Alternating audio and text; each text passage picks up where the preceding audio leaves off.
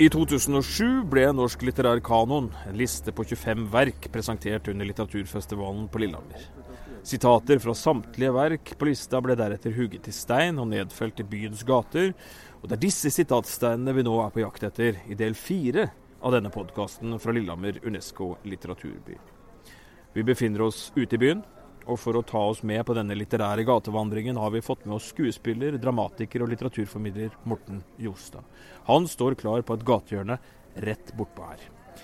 Du kan gjerne høre denne podkasten i fred og ro, du, mens du er på et fly til New York eller driver loggosildfiske på Fåberg f.eks.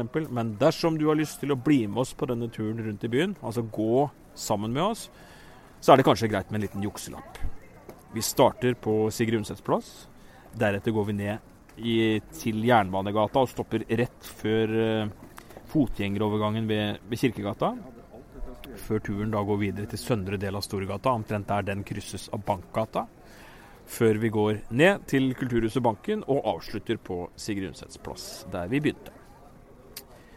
OK, det ble kanskje litt mye geografi det der, men uh, nå skal vi bort og møte Morten. Nå sitter vi på Sigrid Udsets plass, på en uteservering. Vi sitter på Lykkelige dager. Um, og det er jo et bygg hvor vi har en kafé som er oppkalt etter um, en av bøkene til Sigrid Undset. Men det er ikke det som er sitatet her, Morten? Nei, uh, sitatet som ligger rett der borte, ved siden av uh, Husflidens inngang, det er eh, Der kan ingen og intet skade oss barn uten det vi frykter og elsker. Hvor er det fra? Det er fra Kransen. Som hun fikk nobelprisen for.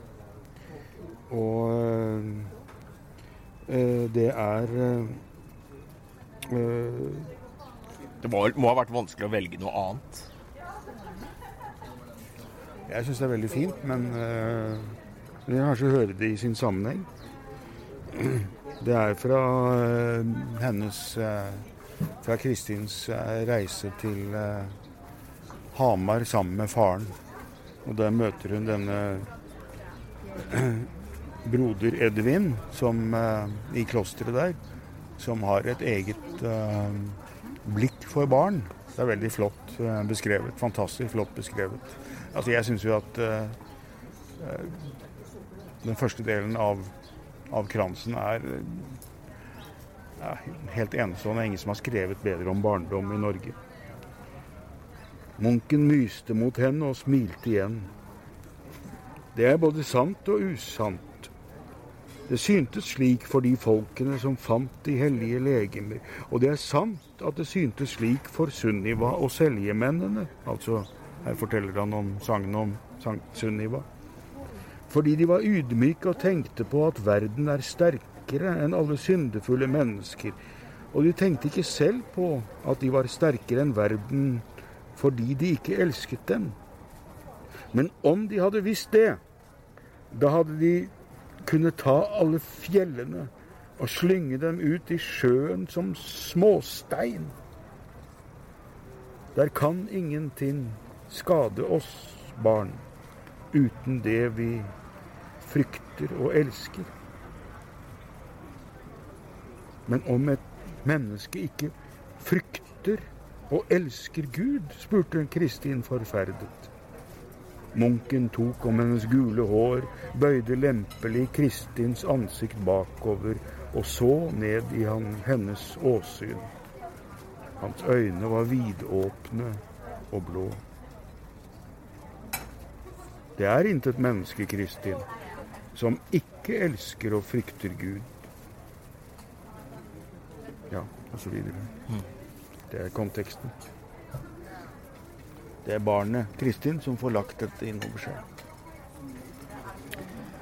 Undset er god på det. Beskrivelser av barndom, ja. beskrivelser av barn. Beskrivelsen av relasjoner mellom eh, voksne og barn. Ikke bare i Kristin Lavransdatter, men i Nå er ikke jeg noen svært belest Undset-leser, eh, men, men, eh, Men det er hun jo. Og hun er forbløffende god til å skrive om sin egen barndom. Altså i eh, selvbiografien 'Elleve år' og fortsettelsen 'Tolv år', som han fant på Bjerkebekk for ikke så mange år siden, og som var totalt ukjent, som hun skrev i, i USA-tiden. Og så har hun skrevet om sine egne barns barndom, og den boka heter 'Lykkelige dager'. Og, og nå sitter vi jo da på Lykkelige dager, på Sigrid Undsets plass. Du, hva slags, hva slags uh, fortelling er det? 'Happy Times in Norway'. Uh, det er en fortelling som da uh, ikke er nedlagt i kanon, og som ikke ville høre hjemme der heller. Selv om de gjerne kunne hatt mer barneskildringer. Eh, Det er en fortelling som eh, er i en viss forstand et bestillingsverk, eh, skrevet på oppfordring av Eleanor Roosevelt, presidentfruen i USA, som oppfordret eksilforfattere i USA, og de var det mange av under annen verdenskrig, til å skrive om sitt hjemland, noe for amerikanske barn. Og Sigrid Undset tok også den oppfordringen og skrev denne boken. Eh, og det er eh, bokstavelig talt de lykkelige årene før eh, 9. april. Og det er veldig mye om barna hennes, og om dagligliv og om eh, høytider og 17. mai og alt, med, alt på Lillehammer. Så vi er jo stolte av den boken, men det er ikke akkurat noe eh, kjerneverk hos eh, Sigrid Undset, det skal sies, men det er nå en søt fortelling. Men hvis jeg får lov, så vil jeg si at den norske utgaven, eh, som man da siterer eh, når det gjelder Lillehammer, den mangler noe. Forordet er borte. Og det kjenner jeg bare fra den engelske utgaven. Og det er ikke med i den norske utgaven. Og hvis jeg kan sitere litt fra det For dette er ikke noe hyggelig. Og de ville nok bare ha med det som var hyggelig i den norske utgaven om Lillehammer. Snillehammer, som noen kaller det. Hun begynner sånn.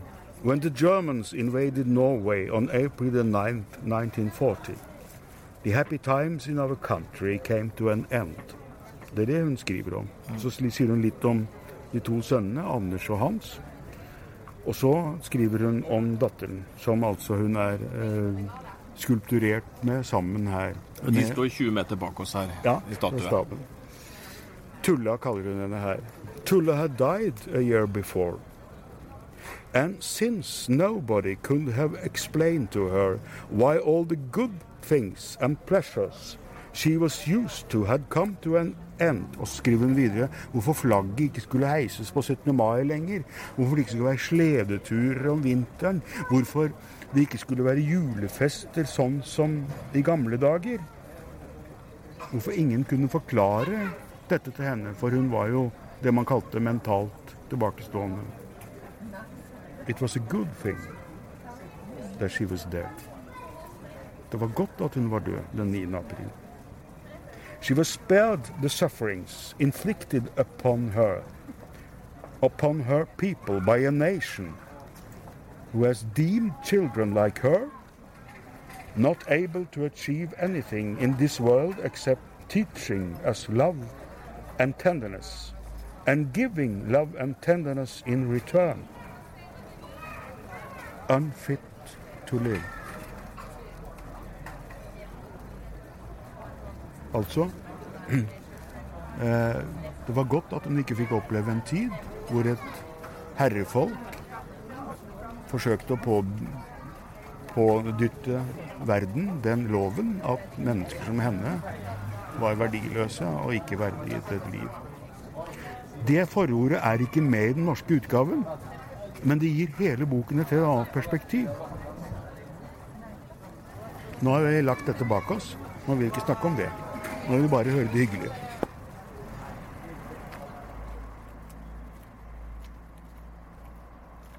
Morten, nå står vi utafor Sport 1 i krysset mellom Kirkegata og Jernbanegata. Hva gjør vi her? Her skal vi kikke ned på eh, den steinen som er lagt her. Eh, midt i eh, Ikke midt i, men i eh, et av Lillehammers mest trafikkerte kryss. Eh, Arne Garborg ligger der borte, og her ligger Cora Sandel. Alberte og friheten. Hva slags bok er det? Det er en av de store eh, romantrilogiene i norsk historie. Eh, denne kom i 1927, og hun skapte en eh, kvinnetrilogi eh, om Alberte, som kanskje i dag er mest kjent for eh, eh, Fjernsynsteatrets eh, fabelaktige filmatisering med Arild Brinkmann som regissør og Monna Tandberg i rollen. Som kanskje noen husker. Svart-hvitt. Hun er også kjent for romanen 'Tranes konditori', som kanskje er hennes mest kjente, som også er eh, teatralisert. Ja. Så vi er i kvinnetrilogi, og vi er i 1927. Det, det betyr at vi er om nesten parallelt med at Undset sitter rett oppi bakken. Ja, det er, ja, det, er- det, ja det, er- helt riktig. Det er helt riktig. Og, og, og hun er, og Kåras Handel er da en av de fem kvinnene som er med blant de 25 andre. Så, og det er helt på sin plass. Men hun skrev eh, realistisk, eh, naturalistisk, om det å være kvinne på den tiden. Det gjorde jo også Sigrid Undset. Men, men, eh, men eh, hun er velplassert, og, og med rette. Sitatet er Det er allerede Det Hva er det det står her? Det er allerede store ting å ikke ligge landfast på et aldeles galt sted. Nettopp. Og det er et fint sitat. Og scenen er Paris. Så det er jo det som de fikk til så flott i den filmatiseringen. Vi er i Paris, og vi er i, i, i eh, ja, mellomkrigstiden, bokstavelig talt. Og med alle drømmene om frihet åpne, ikke sant. Jeg eh, syns det er et flott sitat. Eh, Men jeg er litt usikker på hvorfor det er lagt akkurat her, ved siden av apoteket. Her, vet du.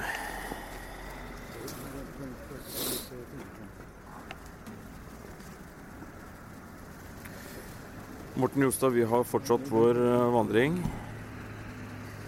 Nå er vi da litt eh, sør i Storgata på Lillehammer. Eh, og her ligger et sitat fra 'Menneske og maktene' av Olav Duun. Og mens bilene kjører forbi, så leser vi at Men han som sagt var ikke opplagt til lovsang nett nå. Morten Jostad, hva slags verk er dette her, 'Mennesket og maktene'? Det er det siste som eh, som Olav Duun skrev. Han var født i 1876 og døde i 1939, og 'Mennesket og maktene' kom i 1938. Og eh, det er en roman, og det er ikke en roman. På hvilken måte? Fordi at eh, like fullt er en novellesamling. Eh, Og eh, den eh, novellesamlingen går opp gjennom eh, eh, begynnelsen og slutten. Og dermed så får den rikdom gjennom de tekstene som ligger imellom.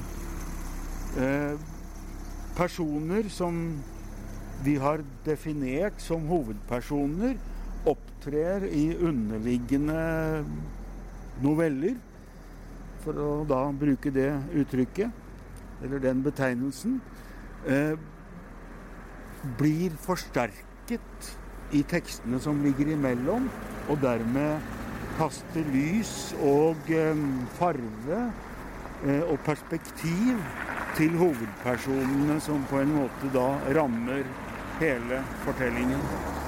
Eller hele boka, da, for å bruke uttrykket boka. Hva er ditt forhold til Olav Duun? da?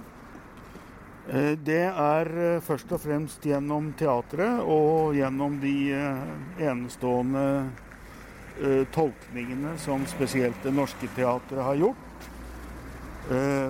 Særlig 'Medmenneske', men også, også denne boka. Med store skuespillerprestasjoner som vi også har fått gjennom Fjernsynsteatret i Fjernsynsteatrets ungdom. Så det var vel slik eh, jeg eh, ble kjent med han. Det er vel kanskje særlig Juvik-folket som er den romansyklusen som han er mest kjent for? Det er kanskje det. Kan ikke du si litt om den? Jo, nei, men jeg nevnte det på vei bort hit, at, uh, at det er ett sitat fra Juvik-folket som jeg er, er, veldig glad i. og det er, Der har vært noe, noe krangling og noe noen eh, bebreidelser og sånt noe mellom en, eh, en fyr og, og, dama. Og da sier han da Det er litt sånn der vikingaktig. Han sier bare 'Kvinnfolk som gret, ligger for høgt for meg'. ja, i sitt flotte essay som Ragnar Hovland har skrevet om, om, denne boka og om denne merkesteinen, så har han plukka ut noen sånne sitater fordi at Eh, han kaller Duun en av eh, replikkenes mester i, eh, i litteraturen. Det er litt sånn kort, korthogd? Ja, nettopp. Nettopp. Det er akkurat det. Hun burde ha vært risa med ei spekesild, påstår mannen i Grannegarden. Risa med spekesing. Kjærleiken og elskhugen og heile bløyta burde ha vært landlyst ved lov hva har vi ellers politikk og storting for? Det er jo morsomt. Han var jo morsom. Han las. Men enda mer tenkte han. Men de tankene, tykte han, sia, de måtte en helst kalle baktanker, for de var tenkt før av andre. Han kom baketter og samla dem opp. Olof Duun han ble også nevnt mange ganger i forbindelse med nobelprisen. Ja. Kanskje, kanskje, det er sånn for at vi sier det for at vi er norske. Og, men det er jo blitt nevnt at hadde han eh, ikke vært en nynorsk forfatter, så hadde han kanskje fått uh, nobelprisen. Jeg vet ikke hvor riktig det er. Men, ja, det vet ikke jeg noe om. men er han relevant i dag? Ja? ja, det er han så absolutt. Og han, eh, han er jo eh, Han er ingen eh, stedbunden forfatter. Han er ikke hjemstandsforfatter på den måten, men, men det, vi ser jo for oss et landskap. Vi ser jo for oss Namdalen som han kom fra. og, og, og, og Trøndelagskysten? Ja, ja, ja. Kystlandskapet, ikke sant. Eh, like mye som, eh, som, vi ser for oss landskapet vestpå når vi, eh, når vi eh, når vi leser eh, Arne Garborg eller så, så og, og, og, han er jo først Han er vel, han er vel til syvende og sist en, en sjeleskildrer. En skildrer av, av psyken. Og av psyken til mennesker som, som står på en grense. Men han interesserer seg jo for helt vanlige mennesker. Og, og der er han jo nettopp blitt sammenlignet med med russiske, store russiske diktere. Fordi han eh, ser de store, de store konfliktene, de store problemstillingene når det gjelder vår syke, hos helt vanlige mennesker, bønder og fiskere. Jeg vet at Dag Solstad han er ikke glad i Olav Duun. Han mener at Olav Duun har gått ut på dato, og at vi bare må, må liksom eh, slå en strek over hele forfatterskapet. Nå skal ikke vi ta en stilling til det her og nå, men, men det er vel også liksom litt av gamet her at man kan ha store forfattere og store forfatterskap som, som kan leses av mange generasjoner, men så kommer man til et punkt hvor de ikke har mer å gi. Det er, det er vel mulig, det? Det er selvfølgelig mulig, men nå satt ikke Dag Solstad i denne komiteen som valgte ut disse steinene. Og det kan vi da kanskje være litt glad for. Han ble valgt ut sjøl. Kanskje han skulle være fornøyd med det.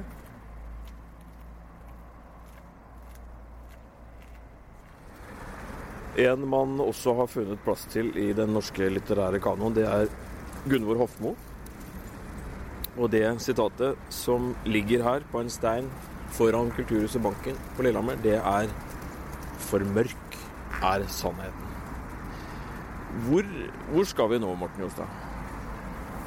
Nå skal vi eh, til eh, eh, norsk krigshistorie fra annen verdenskrig. Eh, Gunvor Hofmos eh, liv omfatter mye mer enn det, men eh, hennes liv og forfatterskap er jo på en helt særegen og tragisk måte preget av, av hendelsene under krigen.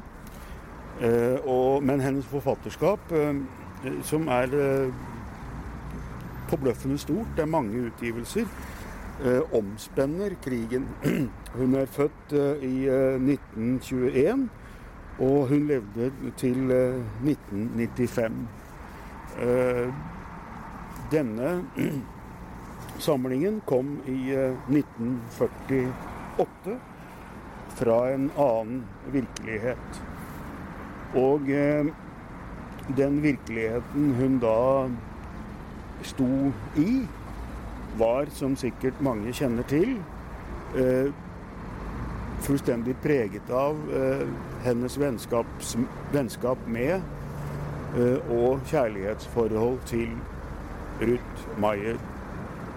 Eh, det var et nært vennskap eh, og et eh, tett forhold de to kvinnene imellom. Men Ruth Maier ble altså deportert med Donau. Norsk jøde. Ja, tysk-norsk. Og en meget begavet eh, kvinne. Og eh, eh, med lysende talenter eh, som eh, sin venn Gunvor Hofmo. Og dette er jo klart at deportasjonen og drapet på henne da kom til å prege Gunvor Hofmo fullstendig. En som har gjort et stort arbeid eh, for eh, formidlingen av Hofmo og disse, denne historien, er jo Jan Erik Vold, som også er med i vår vandring. Eh, og han har virkelig gjort et fabelaktig arbeid. Diktet er skrevet etter krigen. Gunvor Hofmo gjør opp regning både ja, med tanke på krigen og sitt eget liv, på et vis. Ja, Sin første del, i hvert fall. Første del av sitt liv. ja. Og det er en kvinne i sorg da vi møter her. Ja, ja. Og, og, og ikke bare i sorg, men, men, eh, men i eh, sykdom. Eh, Det skulle jeg holdt på å si bare mangle, det er et dumt uttrykk. Men, men det enestående med henne er at hun faktisk kommer seg ut av Ikke ut av verken sorg eller depresjon, men hun blir altså frisk igjen til å utgi flere fremragende samlinger utover i årene. Det går et rykte om at Gunvor Hofmo faktisk var her. Ja, jeg har hørt det, og at hun var her sammen med Ruth Maier. Altså i Kulturhuset Banken. I store bygningen bak oss. Ja, ja, som da het Festiviteten. Eh, og at de var her eh, i det første krigsåret på et eh, arrangement. Eh, det er antagelig riktig. Hva det arrangementet innebar, vet jeg ikke. Men eh, det var nok litt før de eh, mest propagandistiske talene fra fra NS hadde begynt å rulle, så det kan ha vært en konsert eller eh, kanskje noe litt hyggelig i det første krigsåret. Noe som ikke er så hyggelig, og som jeg står og tenker på her nå, det er faktisk hva som har skjedd inni den bygningen. Eh, Der ble en av de første dødsdommene etter krigen avsagt. Det var en ung lillehamring som ble dømt til døden. Og nå er vi rett på andre sida av sommeren i 1945. Og ifølge en annen forfatter som sitter et annet sted i byen her, Ingar Støtten Kollorn, han jobber nå med et stort verk om, om krigen, så, så var det en slags prøveballong. Å se om han kunne, kunne dømme folk til døden og hva som skulle til. Så de tok, en, de tok en del unge først, og så lot de storfiskene gjennom prosessen litt seinere. Eh, og det skjedde også her inne. Han gikk ut av den døra der, dømt til døden. Ja, eh, det var eh, I første etasje så var det bystyresal som var kombinert med rettssal. Så det var den offisielle rettssalen. Han er glemt nå. Gunvor Hofmo ligger der fortsatt. Ja, eh, det er eh, med all god grunn. Og hun går, det må også sies, hun er eh, en av de få kvinnelige forfatterne i, i kanon, men en glimrende representant for lyrikken og for modernismen.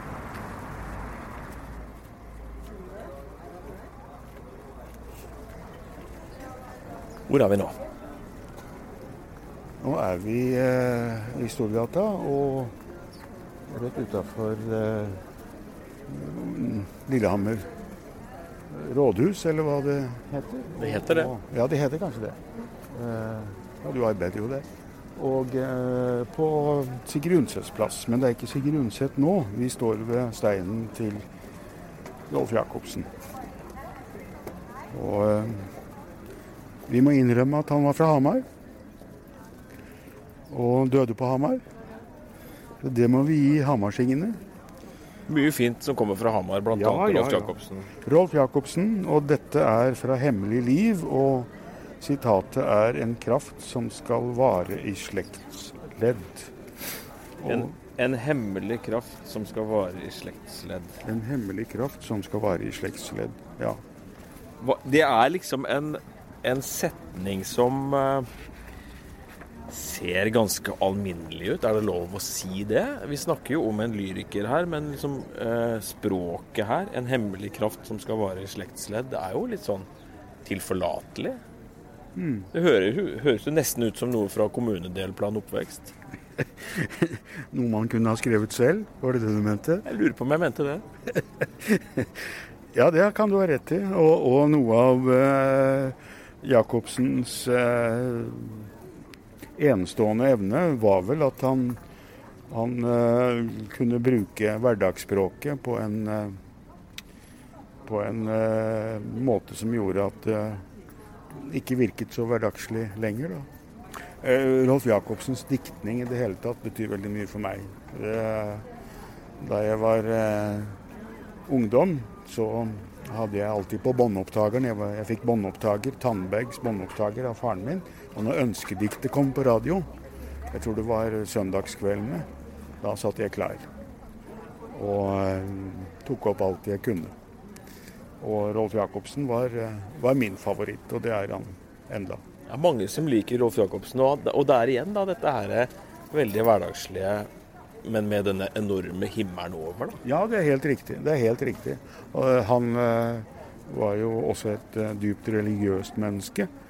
Og, og katolikk, uten at han lar det være noe eh, ruvende tema i diktningen. Men, men det skinner jo igjennom eh, som liksom glimrende lys i, i, i, av og til. Så, så merker man jo det. Og ingen la merke til det, og ingen omtalte da han døde. Vet du hvorfor? Han døde under OL på Lillehammer. Og da ha- hadde avisene andre ting å skrive om.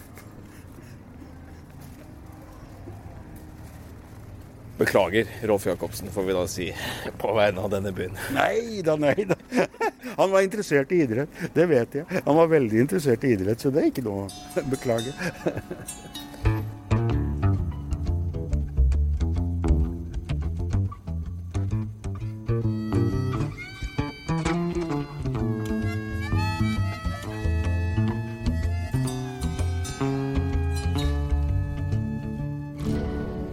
Du har hørt en podkast fra Lillehammer Unesco litteraturby om norsk litterær kanon, en eh, litterær vandring gjennom bygatene på Lillehammer. Vi hadde med oss som guide Morten Jostad.